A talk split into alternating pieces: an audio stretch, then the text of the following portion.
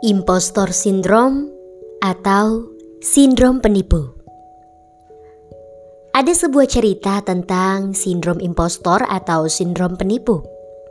Suatu hari, ada sebuah acara yang dihadiri oleh banyak orang-orang hebat berprestasi. Ada seorang ilmuwan, seniman, penulis, penemu. Di antara orang-orang hebat itu, ada seorang penulis bernama Neil Gaiman. Melihat orang-orang hebat yang hadir di ruangan tersebut, Neil Gaiman merasa dirinya nggak pantas hadir di sana. Insecure ngelihat orang-orang hebat itu. Saat acara musik sedang berlangsung, Neil Gaiman menepi ke pinggir ruangan paling belakang. Saat menepi minggir itu, dia bertemu dengan seorang laki-laki tua yang sama juga sedang menepi. Dan sama juga, sedang merasa nggak pantas berada di ruangan yang sama saat itu. Lelaki tua itu ramah dan sopan. Mereka berdua membicarakan banyak fakta menarik, termasuk nama depan mereka yang ternyata sama, yaitu sama-sama diawali dengan nama Neil. Lelaki tua itu akhirnya berbicara mengapa ia berada di pinggir ruangan paling belakang, sambil menunjuk ke arah orang-orang hebat di ruangan itu Lelaki tua itu bilang, "Saya pikir, kenapa saya ada di ruangan ini? Semua orang-orang itu hebat-hebat mencapai prestasi yang luar biasa. Sementara saya di sini ya karena saya pergi keluar angkasa. Padahal saya melakukan itu hanya karena itu adalah pekerjaan saya.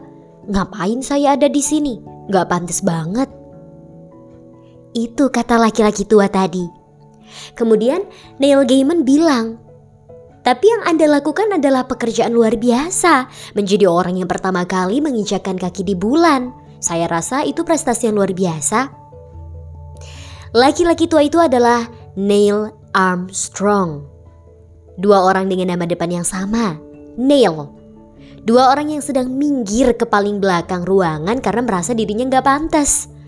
Dua orang hebat yang merasa dirinya tidak hebat dua orang yang sedang mengalami sindrom impostor atau sindrom penipu. Sindrom penipu adalah keadaan di mana seseorang meragukan prestasinya sendiri dan merasa takut kalau suatu saat orang-orang akan mengungkapnya sebagai penipu. Seseorang yang merasa semua prestasi yang dicapainya cuma kebetulan doang dan semua orang bisa melakukan itu. Merasa pencapaiannya ya cuma karena keberuntungan doang, bukan karena keahliannya atau karena skillnya. Bahkan bukan hanya mereka berdua yang mengalami sindrom penipu tadi. Albert Einstein pun pernah ngerasain hal seperti itu juga. Ngerasa kalau penemuannya B aja. Semua orang bisa melakukan itu dan takut orang-orang akan menganggapnya penipu. Einstein bilang, Loh, saya cuma membayangkan dengan imajinasi. Saya sedang naik pensil raksasa atau roket pergi keluar angkasa. Kira-kira apa yang akan terjadi dengan tubuh saya? Eh, nggak taunya dari situ nongol deh rumus kecepatan cahaya. Rumus E sama dengan MC kuadrat. Tuh, orang-orang hebat kayak mereka aja tuh pernah ngalamin perasaan kayak gitu. ngerasa dirinya nggak pantas, ngerasa semua pencapaiannya cuma kebetulan doang, ngerasa prestasinya ya bukan karena keahlian mereka, tapi beruntung aja, berhasil.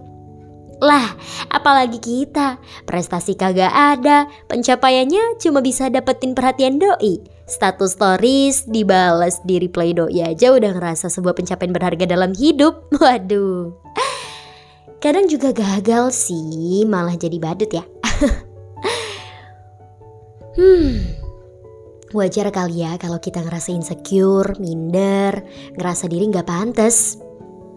Kalau kamu pernah ngerasain perasaan semacam itu, ngerasain pencapaian atau prestasi kamu cuma karena kebetulan doang, bukan karena kemampuan atau skill kamu, dan takut orang-orang akan mengetahuinya lalu menganggap kamu seorang penipu, itu adalah sindrom impostor.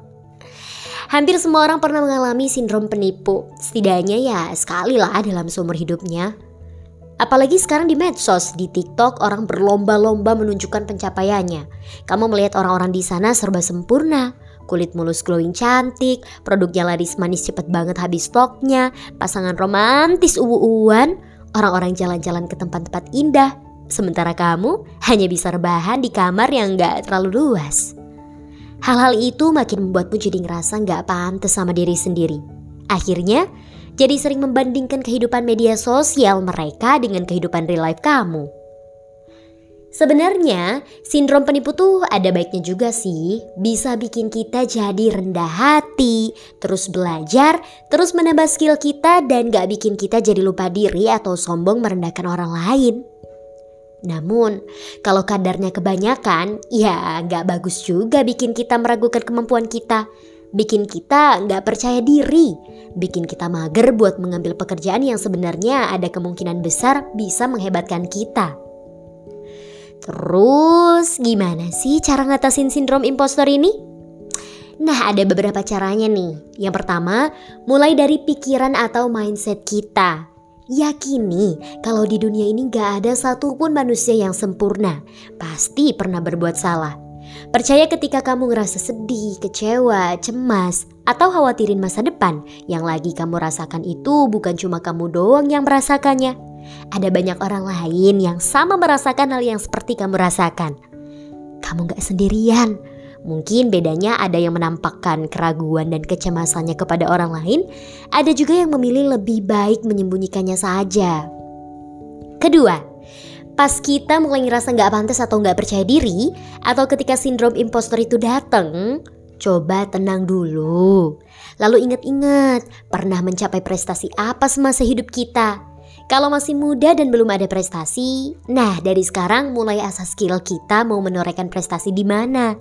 Prestasi nggak cuma diartikan sebagai pencapaian di sekolah atau lomba ya, tapi bisa juga prestasi-prestasi lain. Misalnya, kamu berhasil menyelesaikan suatu pekerjaan yang cukup besar dampaknya, atau berhasil membuat suatu produk dan berhasil menjualnya, atau menjadi content creator dan bermanfaat buat orang lain atau berhasil menghafal beberapa juz Al-Quran, ya dan lain sebagainya yang bisa membuatmu dan orang-orang sekitarmu bangga padamu. Itu juga prestasi luar biasa loh. Tulis prestasi itu lalu jadiin pengingat kalau lagi ngerasa nggak pantas. Ketiga, ini yang paling penting. Berhenti membanding-bandingkan dirimu dengan orang lain. Dah cukup. Dari momen di pinggir ruangan itu, Neil Gaiman menyimpulkan, jika seorang astronot yang pertama kali menginjakan kaki di bulan saja merasakan seperti penipu, kemungkinan besar masih ada banyak manusia lain yang merasakan hal yang sama. Banyak yang menganggap bahwa kita semua hanya bekerja keras dan kebetulan berhasil, tetapi tidak benar-benar ahli setiap saat. Kita hanya berusaha melakukan yang terbaik yang bisa kita lakukan, dan itu sudah cukup baik.